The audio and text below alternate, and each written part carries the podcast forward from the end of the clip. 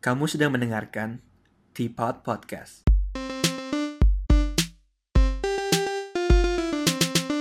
Hello, welcome back to Teapot. How you guys are doing?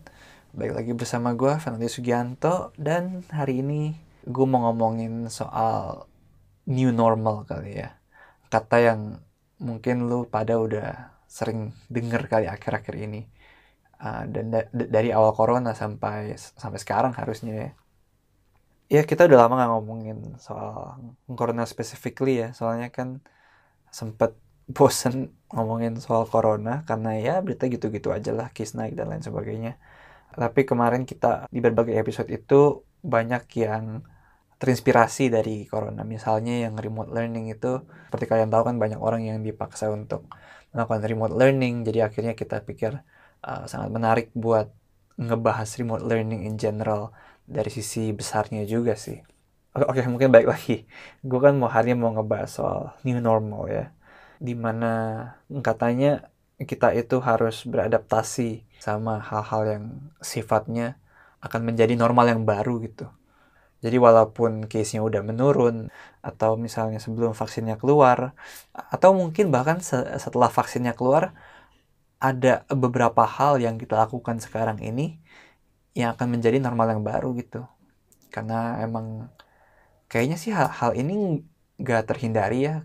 Apalagi bisa dibilang corona ini kan suatu event yang sangat besar yang mengefek semua hal dari sisi manusia gitu ya dari physically, socially, economically, politically juga mungkin, and mentally, spiritually juga kalau di dalam diri kita. So I guess sangat mungkin hal ini akan mengubah kebiasaan kita untuk hidup sehari-hari gitu sebagai ya warga masyarakat gitu ya. Um, mungkin sedikit update dulu kali ya. Jadi hari ini tuh tanggal 17 Mei. Gue ngerekamnya tanggal 17 Mei hari Minggu. Dan gue emang rencana pengen ngerekam episode buat minggu ini tuh persis tanggal 17 Mei hari ini. Karena kemarin gue kira tuh ini bakal jadi hari ke-28 Hong Kong bebas local infections. Jadi katanya tuh uh, sebuah negara boleh atau ya kurang lebih bisa mendeklar mereka udah terbebas dari local infection itu ketika mereka udah 28 hari yang dari mana itu adalah dua kali 14 hari incubation period dari coronavirus itu sendiri. Jadi setelah dua, dua kali incubation period kalau nggak ada kasus baru berarti uh, suatu negara itu boleh lah kurang lebih declare bahwa mereka be bebas dari local infection. Soalnya uh, walaupun locally nggak ada tambahan virus, tapi orang-orang dari luar negeri yang datang ke Hong Kong itu uh, masih ada beberapa yang pas langsung di karantina dan mereka juga develop symptom dan setelah dites akhirnya beneran positif sih. Jadi kalau hal-hal eh kalau orang-orang yang dari luar negeri itu dianggapnya imported case dan karena mereka langsung diisolasi walaupun case bertambah tapi mereka nggak dihitung ke dalam jumlah local infection. Di mana kalau local infection itu lebih bahaya karena mereka kan ber, orang-orang berkeliaran dan banyak orang yang nggak tahu mereka jadi carrier. Di mana hal itu bisa bikin apa ya namanya suatu cluster lagi kali ya suatu cluster atau outbreak di society lagi tapi kalau udah diisolasi dari awal kan mereka nggak ada kesempatan buat ketemu orang-orang jadi uh, resiko outbreak dari orang itu sendiri sangat kecil. Tapi sayangnya setelah hari ke-23 akhirnya udah ada local infection case lagi. Ada satu keluarga dan nenek-neneknya kalau nggak salah sama uh, cucunya mereka berdua kena terus akhirnya sekarang keluarga-keluarganya lagi dites semua karena mereka sempat ngumpul. So ya, yeah, countdownnya ulang dari nol lagi nunggu 28 hari lagi untuk untuk bisa mendeklar kita bebas dari local infection. Tapi menurut gue nol infection lokal itu juga sedikit mindset yang menjebak kali ya. Soalnya mungkin dulu pas infectionnya banyak, pas orang develop symptom, mereka mungkin berpikir, oh ini mungkin corona kali ya, gue harus ke, ke dokter deh. Nah dengan gitu kan mereka akhirnya bisa teridentifikasi kalau misalnya beneran terinfek gitu.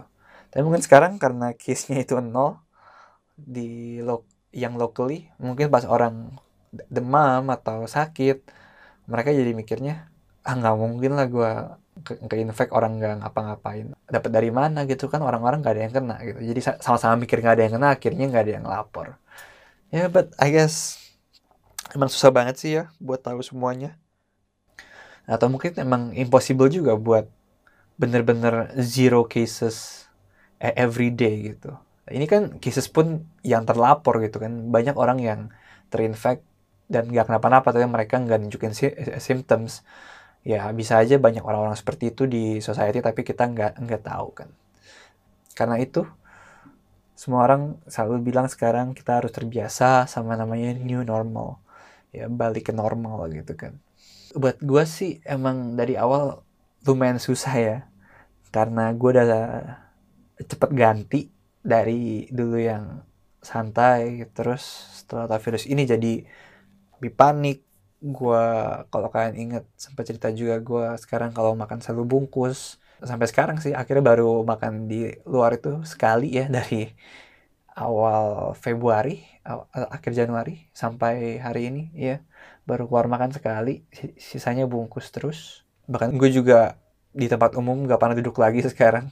Di kereta di MTR atau lagi nunggu pesanan makan dan duduk juga udah gak pernah di tempat luar lagi. Saya itu mindset gue sih emang kayaknya karena sekarang udah mulai membaik emang sepertinya gue harus bertransisi untuk apa ya beradaptasi ke new normal lagi lah ya. Berarti keluar dari mindset gue yang sekarang untuk menyesuaikannya ke mindset yang lebih mirip ke mindset yang dulu tapi nggak se persis nggak nggak persis sama mindset yang dulu sebelum corona sih pastinya Nah pas sering lihat orang ngomong new normal itu gue jadi mikir-mikir sih. Sebenarnya normal tuh apa sih? Semua orang bilang new normal kita harus siap-siap new, new normal. Tapi normal tuh apa sebenarnya? Dan setelah gue pikir-pikir, kayaknya normal itu adalah keadaan di mana lu nyaman ngelakuin apa aja yang lu mau sih. Yang penting, well, well obviously yang penting itu legal dan nggak mengganggu orang lain ya. ya tapi anyway, normal itu kan menurut gue merasa nyaman dulu. Gue misalnya keluar makan merasa nyaman nggak nggak mikir oh ada virus atau atau misalnya pas naik kereta ada orang batuk sedikit waduh ini ada virus atau enggak ya jadi itu rasanya kan udah nggak udah nggak normal ya. Kalau setiap langkah lu setiap kegiatan yang lo lakuin di luar itu malah membuat tuh cemas gitu. Jadi karena normal itu menurut gue nyaman lakukan apa aja gitu gue berasa gue sekarang lagi di luar normal dan harus mencoba untuk kembali ke normal yang baru sih. Tapi ya keluar dari sebuah kebiasaan tuh pasti susah banget lah ya.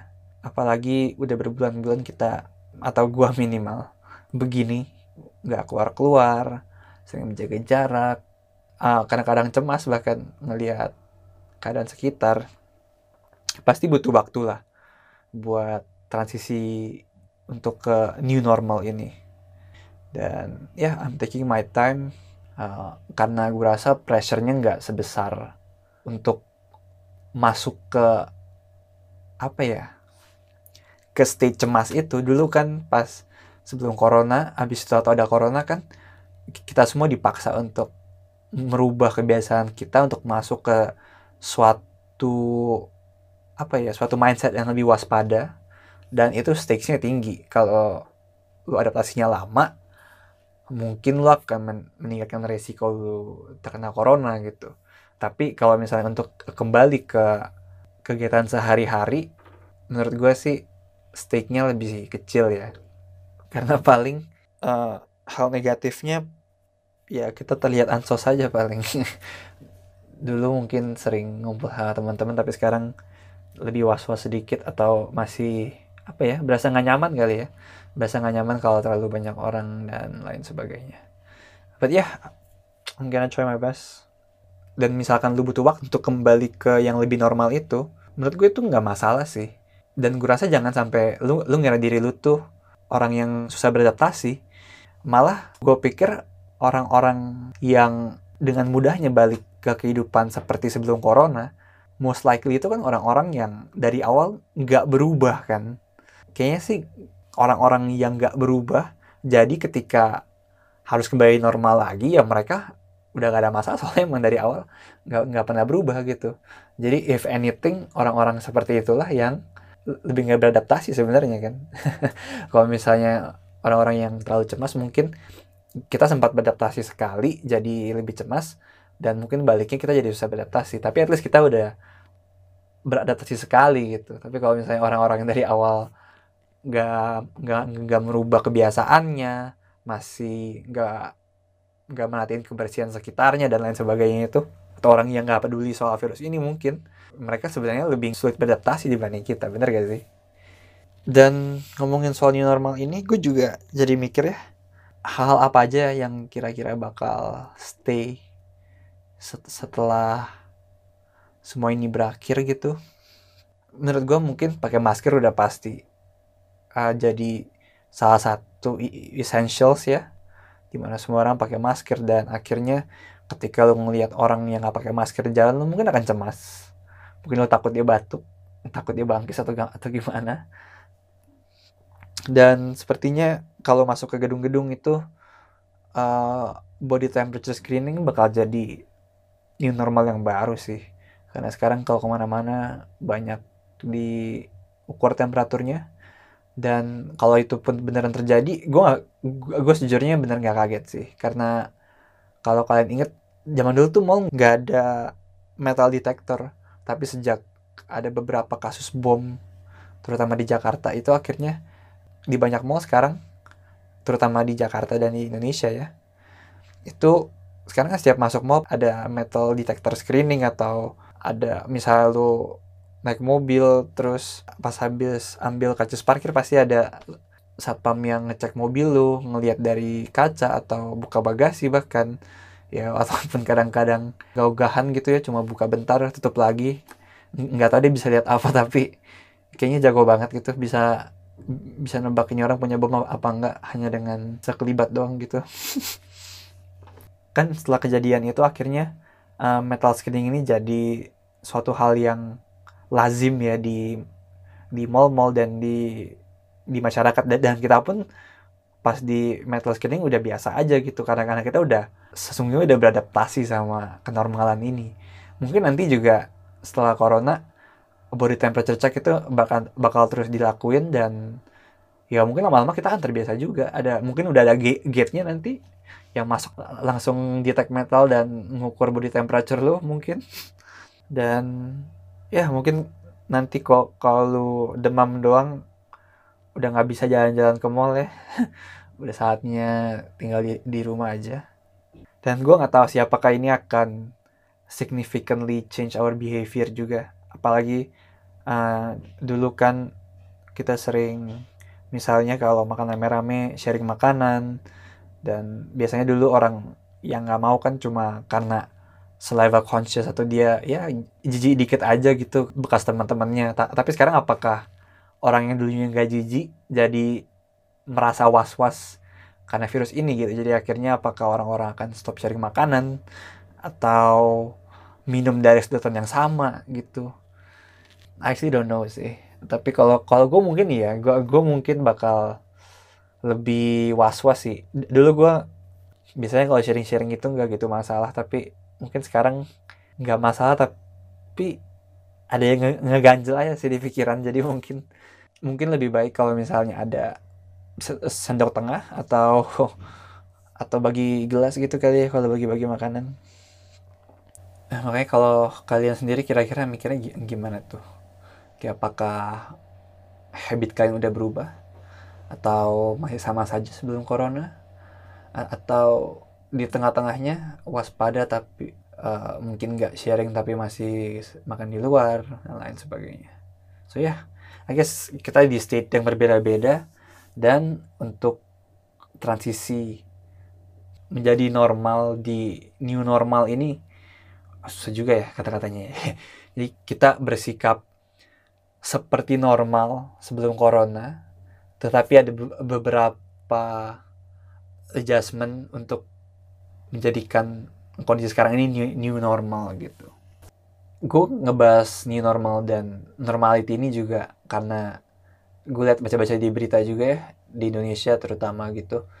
Kan case-nya belum turun-turun ya atau kadang turunnya itu sebenarnya nggak mencerminkan uh, state dari pandemik itu sendiri sih. Soalnya kalau kalian lihat itu katanya di banyak data number of case-nya itu turun di hari ketika testing yang dilakukan juga turun. Jadi emang karena testing capacity-nya masih rendah ya case-nya bergantung sama testing. Testingnya naik case-nya naik testingnya turun case-nya turun. Dan seharusnya itu bukan yang seharusnya terjadi. Harusnya ya testingnya mesti konstan dan banyak. Jadi ketika case-nya itu naik naik atau turun itu mencerminkan keadaan yang ya lebih dekat ke sebenarnya lah ya. Dan walaupun seperti itu gue lihat di berita-berita sih di Indonesia kayaknya udah mulai pada pasrah kali ya, atau gimana lihat ada headline berita dan baca berita katanya Jokowi udah bilang apa ya kata-katanya ya, lebih mungkin ini nggak exact sih tapi dibilang kita udah harus mulai berdamai dengan corona ya. Mungkin kelihatannya kalau di Indonesia mungkin nggak bisa hilang atau nggak tahu kapan hilangnya. Jadi kayaknya uh, ya kita dibilang untuk berdamai itu katanya berarti siap-siap aja jadi corona itu sebagai suatu yang is here is here to stay. Jadi nggak nggak bakal hilang sepenuhnya gitu. So yeah. I guess in a way it makes sense tapi sedih juga ya. Belum turun udah kelihatan hampir menyerah gitu. Terus setelah itu juga banyak menterinya dan banyak pemerintahan yang bilang PSBB pembatasan sosial berskala besarnya mau direlaksasi, mau di ya, mau dikendorin sedikit, pelan-pelan, walaupun kasusnya uh, belum turun dan ya, gue nggak tahu sebenarnya kemarin efektif apa enggak ya PSBB-nya itu. Kalau boleh komentar sedikit nih, kayaknya PSBB-nya itu lebih ke formalitas kali ya mungkin berguna sih buat beberapa orang yang bener-bener ngejalanin buat di rumah aja. Tapi kalau lihat kan masih banyak orang yang kayaknya nggak peduli gitu. Ini di, di samping orang-orang yang nggak punya pilihan ya. Kan kita tahu ada beberapa orang-orang yang yang yang nggak punya pilihan dan dia emang harus keluar buat kerja gitu. Tapi ada orang-orang yang punya pilihan dan akhirnya uh, tapi dia tetap nggak peduli aja gitu. Dan ya gimana kalau misalnya orang-orang masih begitu kan terus ngomongin soal PSBB ini eh, ngomongin soal efektivitas dari PSBB ini man come on. Kemarin di McD Sarina itu apa sih sebenarnya ya? Gila sih. Bingung loh. Masih rame ya kemarin. Kalau kalian lihat beri pasti udah lihat pada lihat beritanya lah ya. Yang karena McD Sarina tutup terus tahu-tahu mereka kayak ada closing ceremony gitu mereka ada bawa ke semua pengunjungnya di akhir di akhir hari semua orang pada datang selfie selfie itu bingung sih kenapa orang bisa mikir gitu. Mungkin udah bosan banget kali ya tapi come on kayak lu you put yourself at risk cuma buat nostalgia gitu. Do you think it's okay? Masalahnya kalau lo pikir-pikir bahkan orang yang meninggal karena covid aja kan keluarganya nggak boleh datang gitu kan ikut nguburin karena takut penyebaran. Dan harus jaga jarak dan sebagainya. Tapi ini restoran tutup dan orang-orang datang dempet-dempetan foto-foto cuma do it for the gram I guess. Biar kelihatan hype gitu. Mungkin ini kali masalahnya ya. Gimana orang rela ngelakuin apa aja supaya kelihatan hits gitu. Dulu juga ada beritanya kan yang uh, buat enforce PSBB katanya ada orang yang dan dan jadi pocong. Supaya nakut-nakutin orang buat masuk ke rumah gitu. Tapi setelah berapa lama akhirnya semua orang ini tetap keluar buat foto pocongnya. So ya yeah, gue nggak tahu sih batas mana ya.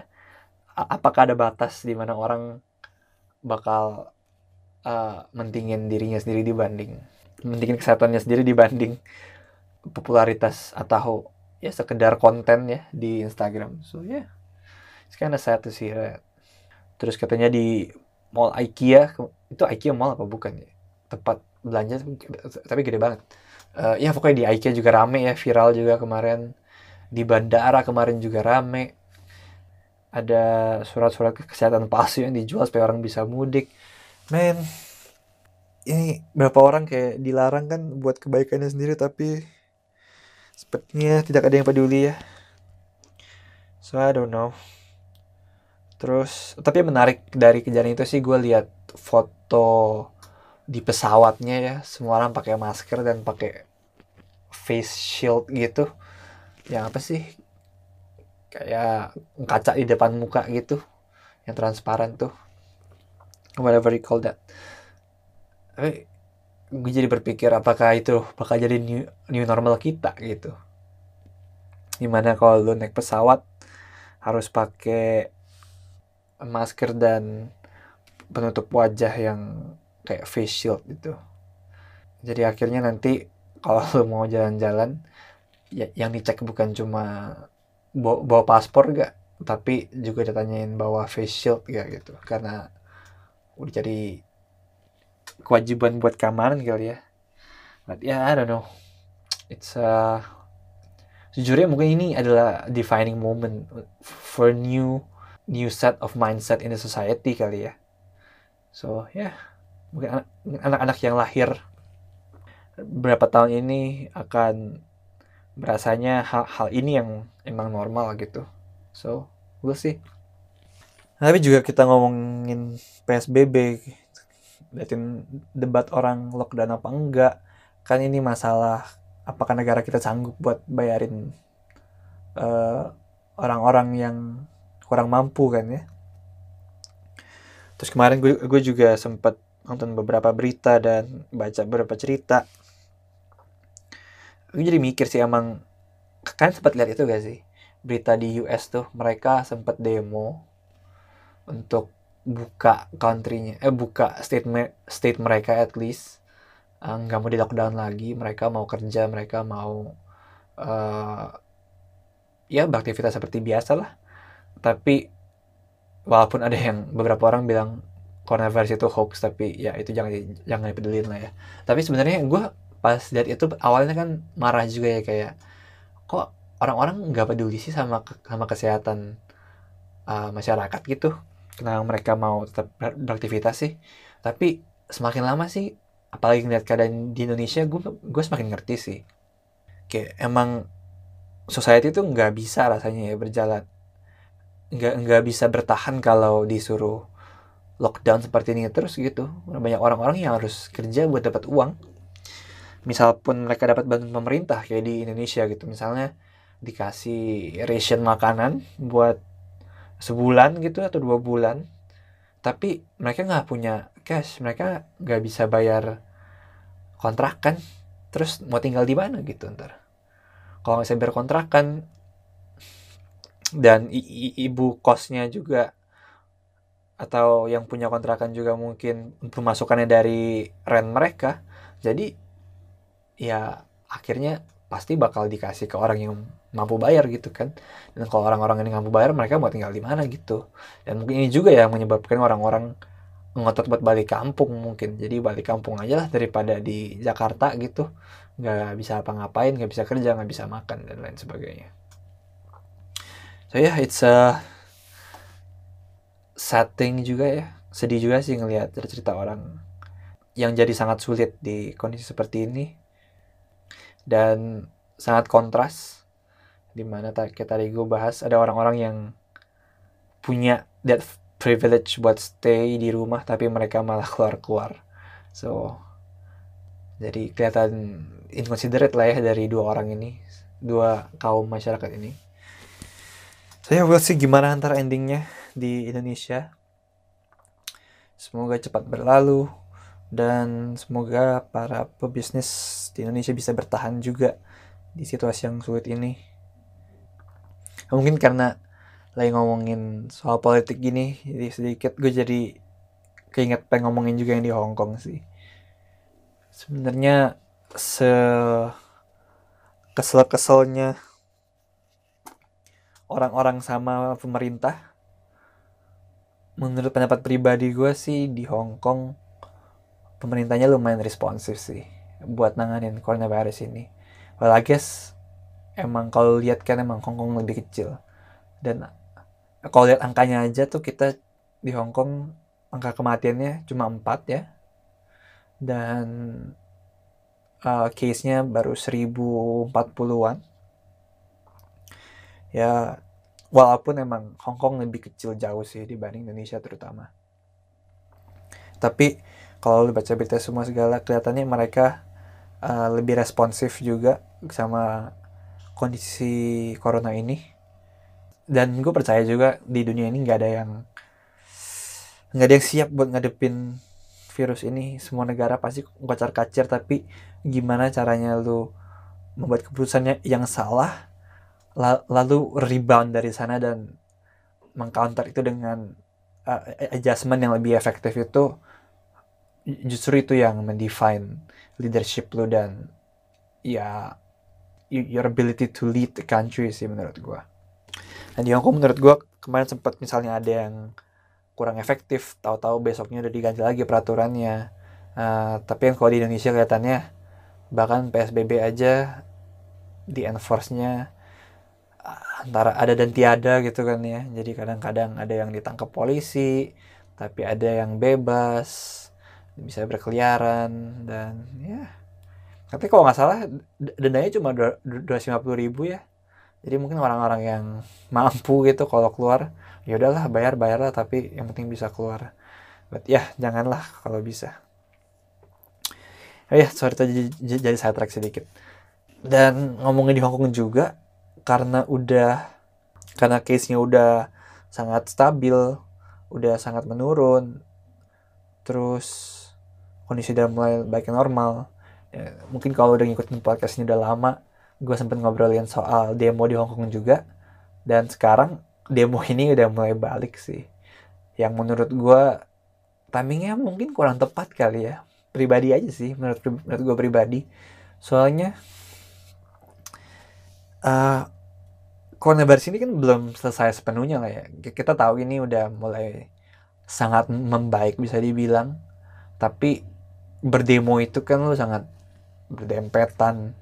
Dan belum lagi kalau lu konfront sama uh, polisi ataupun itu pasti pasti saling bersentuhan kali ya berantem gitu. Dan ya sayang banget sih. Menurut gue waktunya kurang tepat sih. Uh, mereka kayak menggabungkan masalah belum selesai gitu dan akan sangat disayangkan kalau in the end karena mereka ngumpul-ngumpul rame-rame lagi uh, case-nya bisa naik lagi dengan membuat cluster atau outbreak yang baru yang amit-amit sih sampai terjadi. Tapi uh, ya semoga nggak apa-apa. Tapi mestinya mesti jangan dulu sih menurut gue sih. Tunggu sabar sedikit lagi aja supaya uh, siapa tahu case-nya akhirnya benar-benar membaik udah bisa di declare udah free mungkin saat itu lu boleh demo lagi kali ya jadi ingat juga kemarin ada satu mall di Hong Kong yang mereka kan sempat sepi pastinya gara-gara coronavirus. Terus setelah coronavirusnya udah mulai mereda, mereka udah mulai buka lagi. tiba tiba-tiba ada demo di mall itu dan karena polisi juga masuk ke mall itu akhirnya ada clash dan toko-toko yang harusnya rame pada hari itu terpaksa harus tutup. Jadi economically di Hong Kong kayaknya ter terdampak banget sih. Mulai dari demo sebelum virus, lalu virusnya sendiri, dan sekarang demo bertambah dengan virus. Sangat kombinasi yang sangat mematikan. Dan dulu gue sempat juga lihat di Instagram katanya tuh lockdown atau PSBB misalnya diangkat atau dilonggarin tuh bukan berarti virusnya udah hilang cuma itu antara mereka udah desperate mau nggak mau harus janin ekonominya mungkin kayak di Indonesia. Jadi ya mau nggak mau you have to risk the people gitu. Semoga semoga case nya nggak bertambah banyak tapi gimana caranya pun kita harus put things aside. Atau yang kedua mungkin mereka memprediksi bahwa kalaupun lu sakit lu ada tempat di rumah sakit gitu. Jadi kapasitasnya udah mencukupi lagi. Jadi mau misalnya lockdown atau uh, PSBB-nya diangkat bukan berarti virusnya udah pergi cuma berarti kapasitas rumah sakitnya udah udah bisa menampung lu. Jadi so tetap harus waspada. Nah, mungkin terakhir deh ya. Gue udah ngomong lumayan lama juga nih. Kayaknya soal demo di Hong Kong mungkin atau soal politik yang lain mungkin buat topik lain waktu deh. Mungkin gue mau ngomong soal aspek mentalnya juga kali ya dari penerapan new normal ini. Kan ketika kita work from home study from home banyak yang banyak pressure dari sosial media atau di luar bahwa ada persepsi di mana kita harus terus produktif di rumah.